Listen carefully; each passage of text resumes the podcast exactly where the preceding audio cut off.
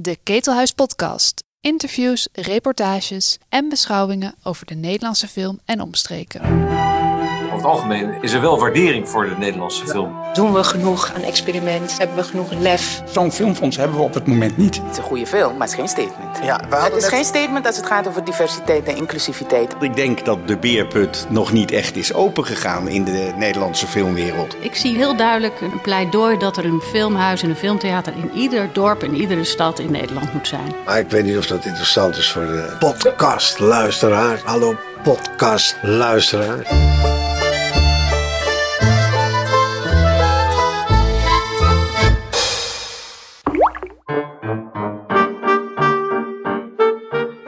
Wat als je dochter eigenlijk een zoon is? Een van de films die tijdens de Roze Filmdagen in première gaat, is Met zonder ballen. Een bewerking van de gelijknamige theatervoorstelling. Samen met zijn moeder onderzoekt regisseur en acteur Flip Zonne Zuiderland hoe zijn transitie voor allebei vragen opriep over identiteit en gender. Want zijn moeder mag dan een ruimdenkende theatermaker zijn, dit proces bleek haar tot in de kern te verwarren. De documentaire is genadeloos eerlijk, maar er valt ook te lachen om de universele Babylonische spraakverwarring tussen ouders en puberkinderen.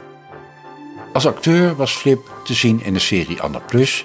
Als maker ontwikkelde hij voor het online platform 3Lab een pilot voor een televisieserie, Self-Made Man, over een jonge twintiger die in transitie is van vrouw naar man. Floortje Smit ontmoet Flip op de stoep van Frascati, waar hij druk aan het repeteren is. Wat een pokkenweer, Flip. Ja, het is kloot hè? Ja, wat gaan we doen? Gaan we wandelen? Ja, dat kan. Eh, maar het is wel aan het regenen, dus we kunnen ook ergens zitten. Ja, misschien moeten we dat doen. Even kijken of er ergens een café is waar Dat lijkt me goed. geen regen is.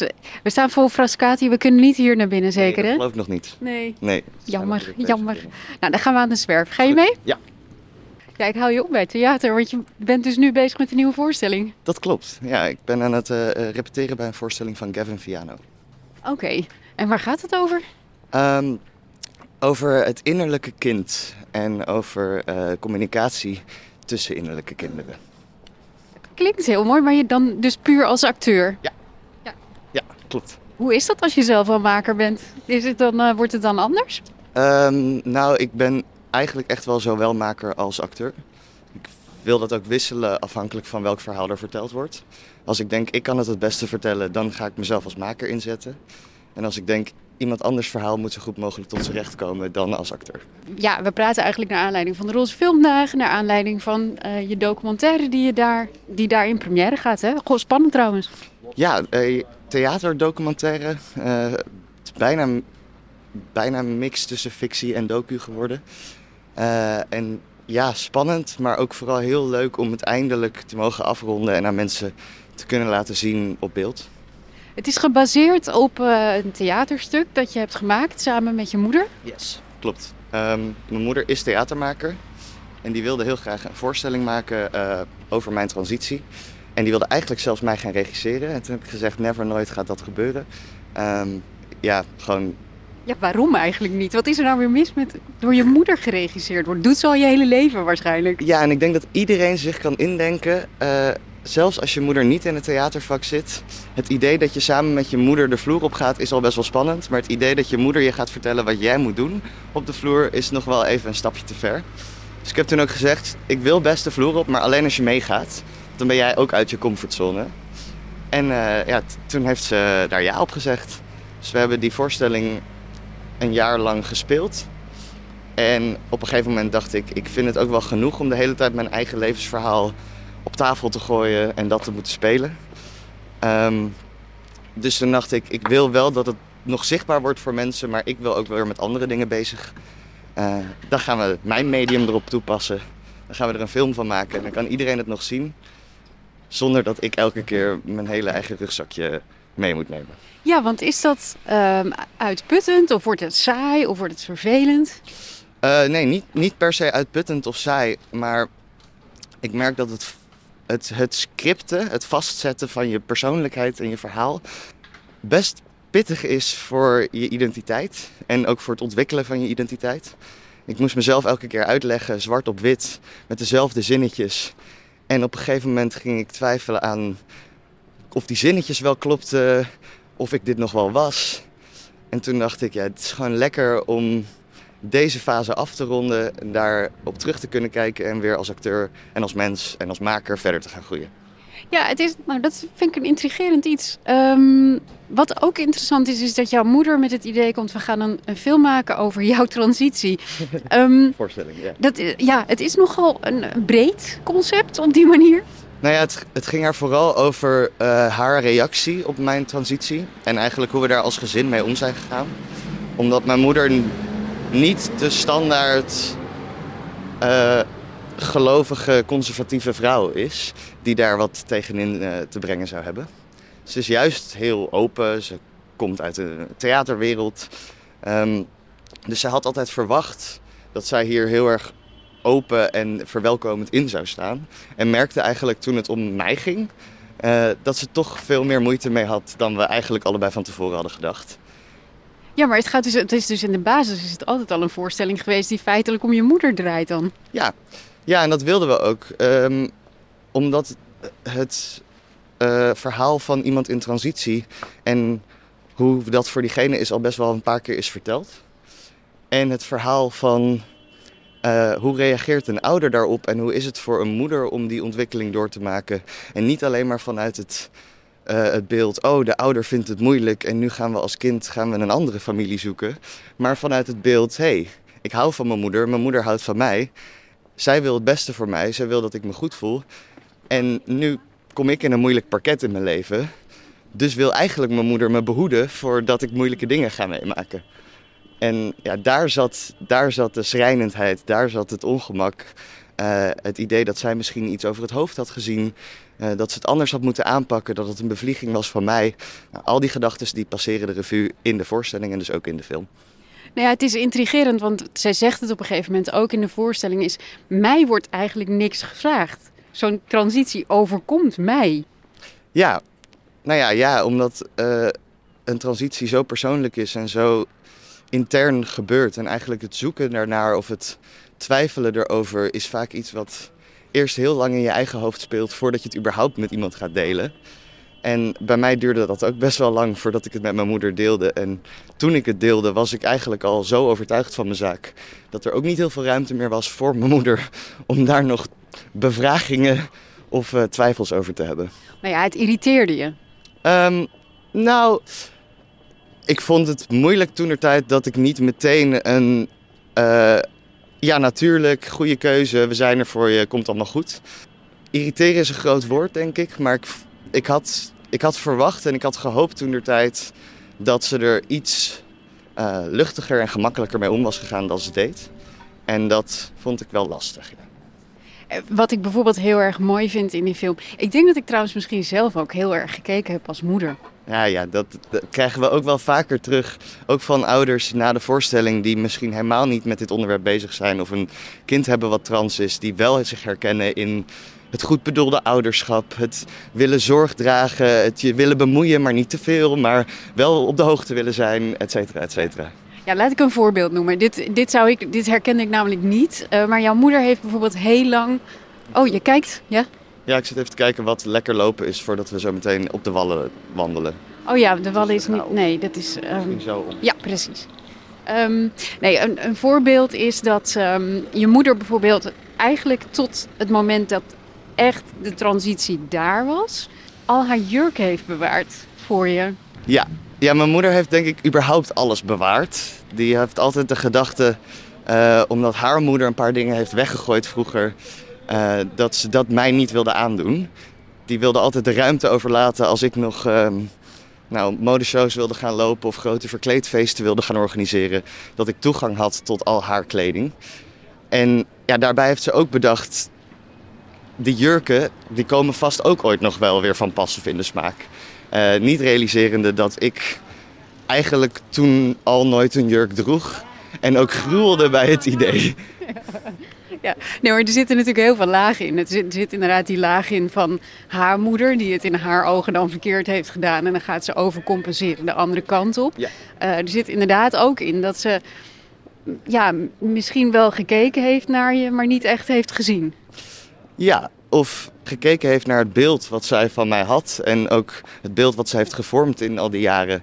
Ehm, en daarbij zichzelf zo goed inschatten of zo het idee hebben dat je dat goed kan aanvoelen bij mensen. Dat je eigenlijk niet meer open staat voor het tegendeel.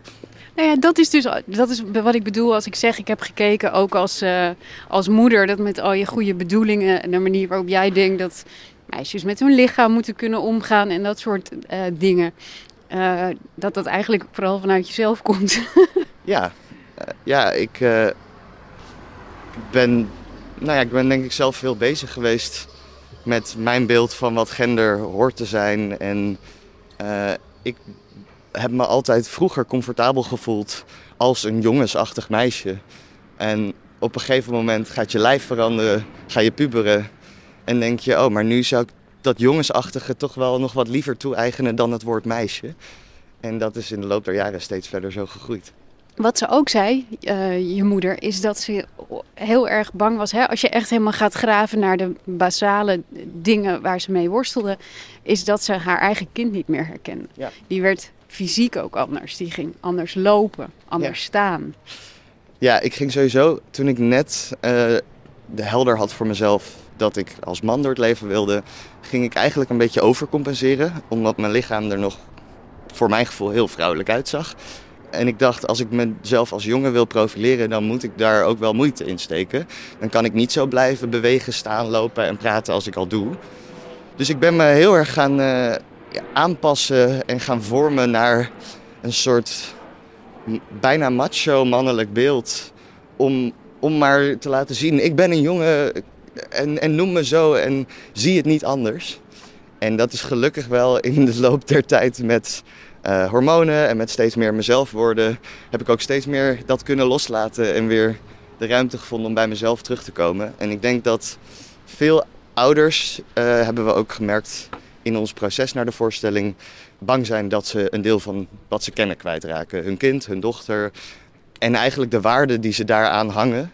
En heel vaak in het begin van een transitie zie je dus ook heel even dat iemand verandert, dat je iets kwijtraakt. Dus dan wordt die angst ook bevestigd. En ik denk dat eh, er altijd even tijd nodig is voor iemand om zelf die foutjes te maken, om zelf eh, uit te proberen en erachter te komen, dit werkt wel of dit werkt niet. Maar ik ben er heilig van overtuigd dat iedereen die eh, steeds meer zichzelf wordt en steeds meer zichzelf, zichzelf ziet worden, gelukkiger wordt, meer zichzelf wordt en dat je dus meer je eigen kind terugkrijgt dan je misschien ooit hebt gehad. Wat ging je eigenlijk doen om over te compenseren? Ik ging eh, heel erg eh, breed staan, mijn schouders ver naar voren laten hangen.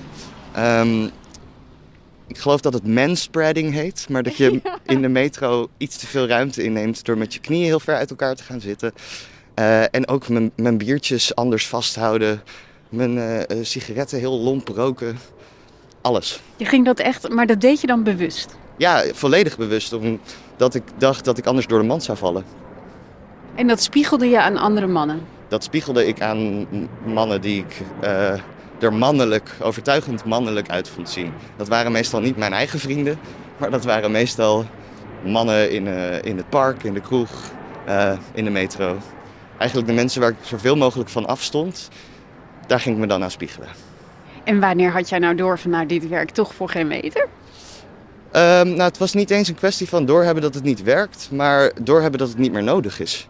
Ik, eh, ik werd ook wel gewoon hij en meneer genoemd zonder die dingen te doen. En ook als ik een keer per ongeluk er niet op aan het letten was en wel met mijn benen over elkaar geslagen zat, werd ik niet anders benaderd. Dus op een gegeven moment merkte ik ook dat dat soort ja, aanpassingen niet nodig waren om gezien te worden.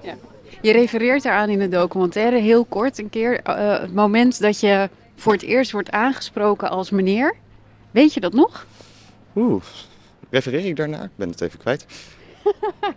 Ja, in de bus volgens mij. Oh, nee, ik vertel aan mijn vader in de bus dat ik eh, me, me meer jongen dan meisje voel.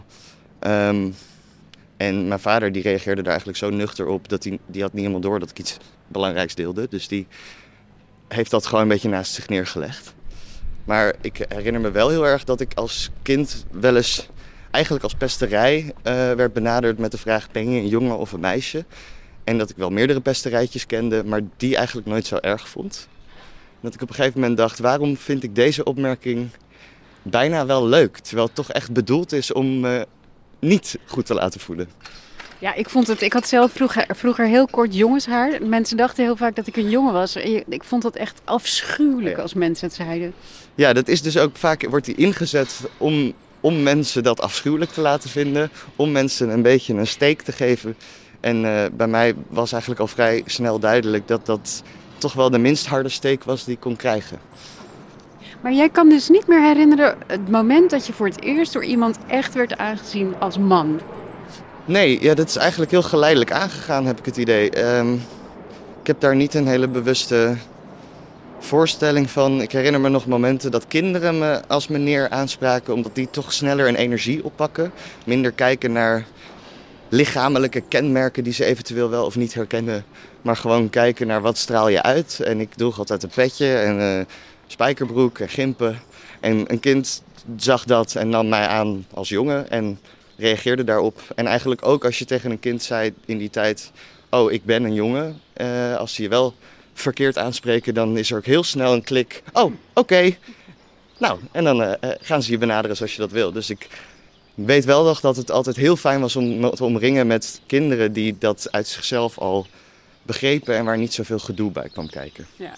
Die hele worsteling uh, die voorafgaat aan die transitie. Je, stap, je wilt daar zelf eigenlijk in de documentaire en in de theatervoorstelling vrij snel overheen stappen. Want dat vond je niet zo heel interessant. Nee, klopt. Je, zegt ook, je zei net ook van hè, dat verhaal is, is ook wel bekend. Er zaten toch wel een aantal dingen in, in deze voorstelling waarvan ik ook dacht van oh ja, dat heb ik me nooit zo gerealiseerd. Dat bijvoorbeeld hoe anders de ma hoe, hoe het moet zijn als opeens de maatschappij anders naar je gaat kijken en je anders gaat behandelen. Ja, dat is misschien wel hetgene wat me het meest is bijgebleven van toen ik net in transitie ging en vooral toen ik net hormonen begon te gebruiken. Uh, dat de wereld gewoon anders met je omgaat. En dat zit hem in hele kleine stomme dingen, zoals dat mensen ineens wel voor je aan de kant gaan op straat en gewoonlijk niet. Of dat ik bijvoorbeeld, als ik naar iemand in de tram lag, dat ik me ineens moet be beseffen dat ik overkom als een schijnbaar cis-witte man. Uh, dus dat ik ineens bij een semi-intimiderende groep hoor. En dat ik ook als ik lief naar iemand glimlach, me erbij moet stilstaan dat dat soms voor mensen als uh, intimiderend wordt ervaren of als of ik iets van ze wil. Uh, en dat was ook toen ik nog als vrouw werd gezien heel anders. Dan kon ik naar de hele wereld glimlachen. Moet zelfs, hè? Je lacht terug. Ja, dat moest zelfs inderdaad. En dat is, uh, ja, dus da daar is nu wel echt een, een omslag in gemaakt. Is de wereld vriendelijker voor witte cis-mannen? Um, niet zozeer vriendelijker als wel. Het is gevormd naar witte cis-mannen. Dus. Um, we kunnen hierin, ja, dan, dan regent het in ieder geval niet. Misschien kunnen we hier zelfs even stilstaan dan. Ja. ja.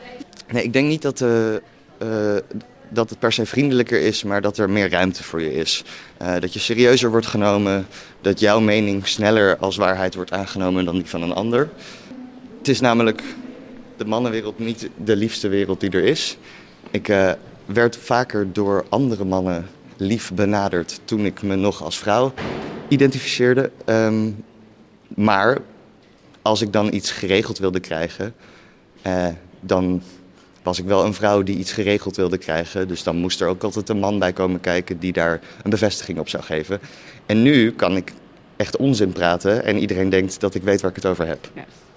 Zit daar ook een vorm van uh, bevrijding in eigenlijk? Uh, nee, ik vind dat heel confronterend. Ik word er heel kwaad van. Het, het, feit dat ik serieuzer word genomen is niet zozeer lekker, als wel dat ik besef dat ik niet ben veranderd. Mijn meningen zijn niet veranderd. En ik ben er nu ineens veel bewuster van hoe ik niet serieus werd genomen vroeger. En heel veel mensen om mij heen nog steeds. Puur om het feit dat ze vrouw zijn of zich als vrouw identificeren. En ja, daar kan ik me vooral heel kwaad om maken. We hadden het net over het hele proces en over hoe je dan kan uh, twijfelen. Wat ik ook heel mooi vond aan de film is uh, dat het gaat over die twijfel. En dat je dat eigenlijk naar de, wat interessant is, aan de buitenwereld niet mag laten zien. Hmm. Nee, dat was ook een. Ik heb ook getwijfeld aan of ik dat in de film wilde hebben als scène. Ehm, maar daar uiteindelijk heel bewust voor gekozen, omdat ik me goed herinner dat met de twijfels van mijn omgeving, twijfels van vooral mijn moeder, ik niet durfde te laten merken dat er bij mij ook vraagtekens waren of twijfels. Want ik dacht, als ik dat ga zeggen en ga uitspreken, dan worden die twijfels van haar alleen maar groter en bevestigd. En dan gaat het al helemaal lang duren voordat we met elkaar op een lijn zitten. Dus ik heb die twijfels voor me gehouden en heb me daar best wel eenzaam in gevoeld. Uh, en durfde dat ook niet met mijn vrienden te delen, want ik wist waar ik het over had en daar stond ik achter en daar moest ik achter staan. En eigenlijk pas later, in een later stadium, toen ik met meer gelijkgestemden ging kletsen, ben ik die twijfels voorzichtig aan gaan durven uitspreken. En kreeg ik daar ook uh, herkenning. Veel andere transmannen die ik ken, die zeiden ook, ja, ik heb die twijfels ook allemaal gehad. En het is ook een grote beslissing, je doet het niet zomaar. En toen dacht ik, oh, oh als ik dat maar had geweten, dan had ik zelfs, al had ik dat tegen mijn moeder kunnen zeggen van mam, ik twijfel, maar er zijn er heel veel die twijfelen en dat hoort er ook bij. Dan had ik al me weer wat sterker gevoeld. Uh, en toen dacht ik, ja, dan moet ik dat nu, of moet, dan wil ik dat nu betekenen voor die mensen zoals ik vroeger, die dat misschien nodig hebben. Nou ja, het is natuurlijk in het hele proces. Je mag ook eigenlijk niet twijfelen in het proces, neem Nee. ik aan. Want op het moment dat, dat eh, je gaat twijfelen, dan eh, zit je sowieso op een paar maanden vertraging op zijn minst. Klopt, zelfs in het medische systeem, ehm, dat is tegenwoordig wel steeds iets beter. Maar ja, in de tijd dat ik bij het VU Medisch Centrum zat, kreeg ik zelfs van mensen om me heen eh, de, de, de, het advies van: hey, ben maar niet te eerlijk. Want dan eh, gaat het misschien nog langer duren. Dus je moet gewoon zeggen: ik ben er zeker van, ik wil dit. Gewoon lekker stoïcijns er doorheen, dan ben je er sneller aan begonnen. En dat is gelukkig nu wel, wel anders aan het worden. Maar ja, de twijfel eh, kan inderdaad vertraging veroorzaken, ook in de medische wereld. En dat zou fijn zijn als dat een beetje soepeler wordt, meer genuanceerd gaat worden. Het lijkt mij heel ingewikkeld, omdat je ook gewoon nog puber bent op dat moment. Dus Ja. twijfel en heel erg een soort pose naar de buitenwereld toe, dat hoort er allemaal enorm bij. Ja, en, en je wordt ook opnieuw puber, omdat je ehm, met die transitie, met die hormonen, eigenlijk letterlijk een, een nieuwe puberteit doormaakt. Je, lijf moet aan nieuwe hormonen wennen, dus er gebeurt hetzelfde wat, wat er gebeurde toen je 12 was of 13. Eh, en dat vond ik vooral heel vreemd, dat mijn hele omgeving naar net uit aan het wandelen was. En eigenlijk heel erg aan het landen was in wie, die, wie, wie ze waren. En ik alleen maar meer leek te gaan puberen en ineens heel erg ver van iedereen af leek te staan in waar ik met mijn hoofd mee bezig was. En ook omdat ik wist, dit is een puberteit, ik moet dit niet serieus nemen, dit komt allemaal door mijn hormonen. En toch voel je dan, oh, maar ik ben toch een beetje alleen op de wereld. Of, oh, maar ik heb het toch heel zwaar. Ja, dat, dat heeft even geduurd. Ehm, maar na een jaartje is dat ook bij mij geland. En ik vind het heel leuk als ik nu mensen om me heen in transitie zie gaan, dat ik diezelfde puberteit en diezelfde verwarring zie. En dat ik ook kan zeggen, het gaat over.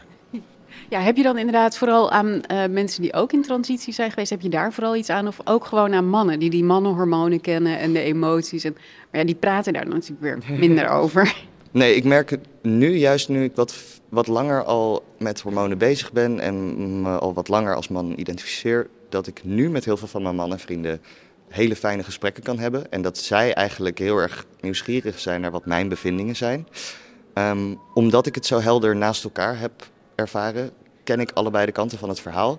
En weet ik dingen die andere mensen misschien nog niet hebben gerealiseerd, omdat ze maar één kant kennen.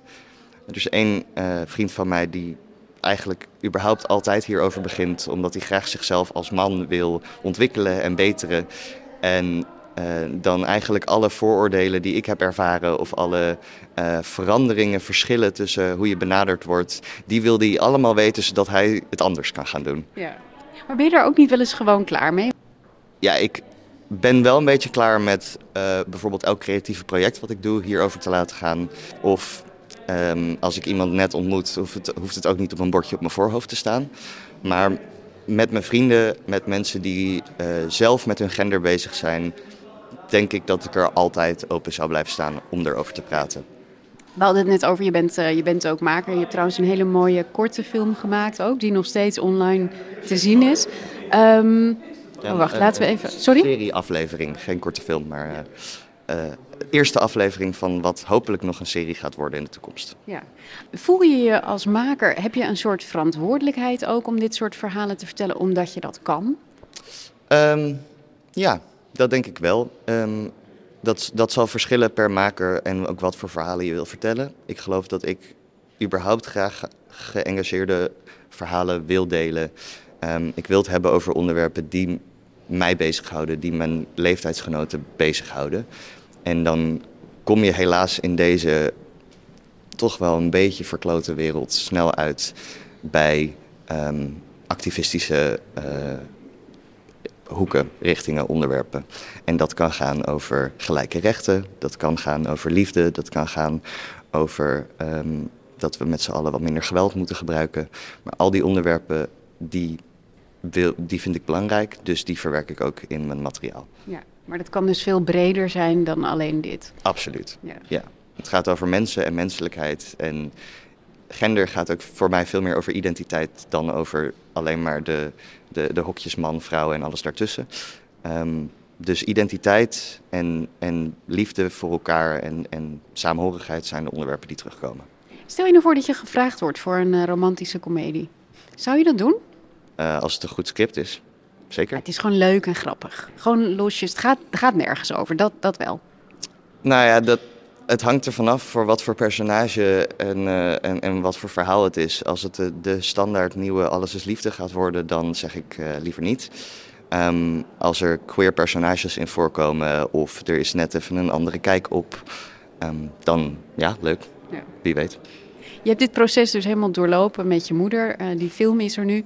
Uh, jullie zijn samen dat theater, die theatervoorstelling gaan maken. Ik ga hem even spoilen. Het loopt goed af, want jullie komen nader tot elkaar. Uh, maar in hoeverre heeft het maken van die theatervoorstelling nog dingen gekanteld voor jou? Nou, het heeft vooral eigenlijk um, een deurtje geopend naar met mijn moeder moeten leren communiceren als volwassene en als mens. En niet alleen maar als kind van.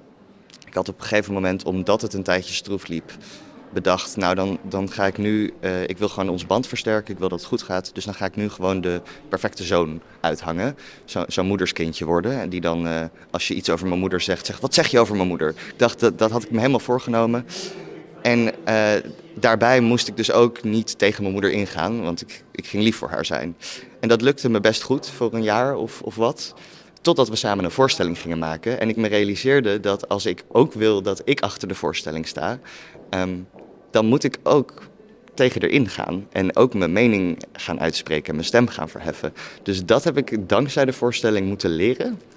Uh, om niet alleen maar ja en amen te zeggen, maar gewoon te zeggen: nee, mam, ik wil dit niet, ik vind dit niet mooi. Of zelfs: hey, je behandelt me altijd op deze manier en eigenlijk vind ik dat niet zo prettig.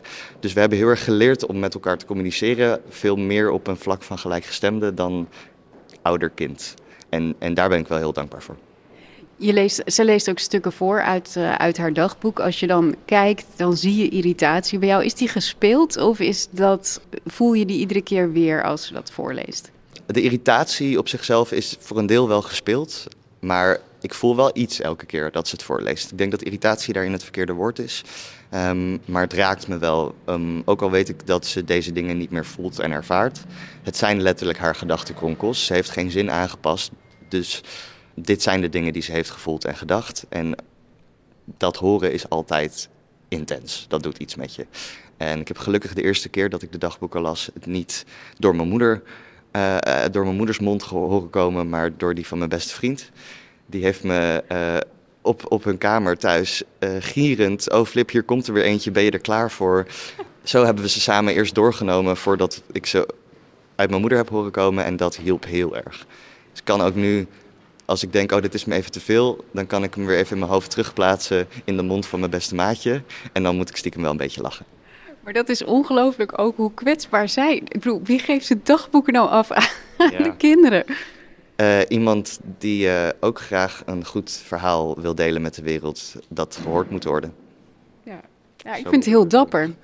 zo moeder, zo zoon. Ja, ja. Ik ga je weer terugbrengen naar de Frascati, want je moet ongeveer weer de repeteren. repeteren. Je, je komt natuurlijk heel erg uit zo'n um, theaterfamilie. Is ja. dat de reden dat je die kant ook op bent gegaan? Nou, ik, ik speelde in mijn eerste voorstelling, uh, geloof ik, toen ik een jaar of drie was. En dat is eigenlijk altijd een beetje zo gebleven. Dus deels is het in mijn bloed met de paplepel uh, ingegoten. En voor een deel heb ik ook juist heel hard daardoor gezegd... ik wil wel iets creatiefs doen, ik wil wel spelen, maar theater is niet mijn ding. Want dat doen jullie al.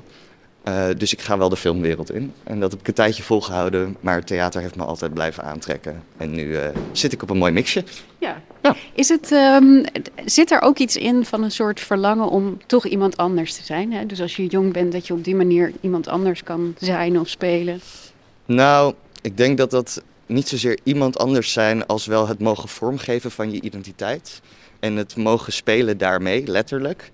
Dat heb ik altijd leuk gevonden. En dat uh, is in theater heel letterlijk een kostuum aantrekken en in de huid van een ander kruipen. Maar ook het, uh, het, het anders communiceren met verschillende mensen, je aanpassen aan de groepen waar je in begeeft. Dat spelen met mijn identiteit en met hoe ik overkom heb ik in me zitten en dat ga ik ook altijd doen. En dat, daarom ben ik misschien ook wel acteur geworden.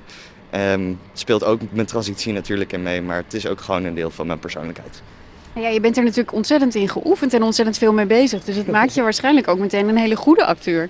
Uh, ik hoop het. Ik uh, ben me aan het ontwikkelen. En uh, nou, zolang mensen me fijn vinden om op de vloer te hebben, is dat de bevestiging van, van die vraag. Ja. ja. Er zitten heel veel ouders en, en kinderen in de zaal iedere keer bij jou. Is dat nou ook voor wie je het eigenlijk gemaakt hebt? 100 procent. Voor de, vooral voor de support van um, de, de kinderen in dit geval, maar um, ook de herkenning voor de ouders. Ik denk dat dat als duo-doel, uh, dat dat het belangrijkste is. Hey, dankjewel. We staan voor Frascati. Ja. Uh, succes. Dankjewel. En uh, nou, wij zien elkaar de komende dagen nog weer ergens. Waarschijnlijk uh, op de première. Precies. Leuk. Dank. Hoi. Thanks. Tot zover deze Ketelhuis podcast. Je vindt de Ketelhuis podcast in je favoriete podcast app en natuurlijk op onze website ketelhuis.nl/podcast. Abonneer je vooral zodat je geen enkele aflevering mist en leuk als je een reactie achterlaat. Hou ons in de gaten, we zijn snel weer terug met een nieuwe podcast.